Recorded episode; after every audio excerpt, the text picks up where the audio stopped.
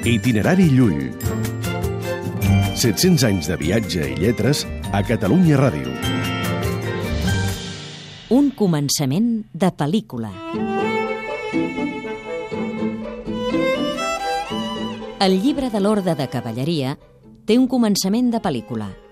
Enmig del bosc es troben un vell cavaller ja retirat i un jove escuder que s'ha dormit anant a cavall. Un atractiu escuder, tot sol, cavalcant en el seu palafrè, anava a la cort per ser adobat nou cavaller. A causa del cansament, s'adormí mentre anava a cavall.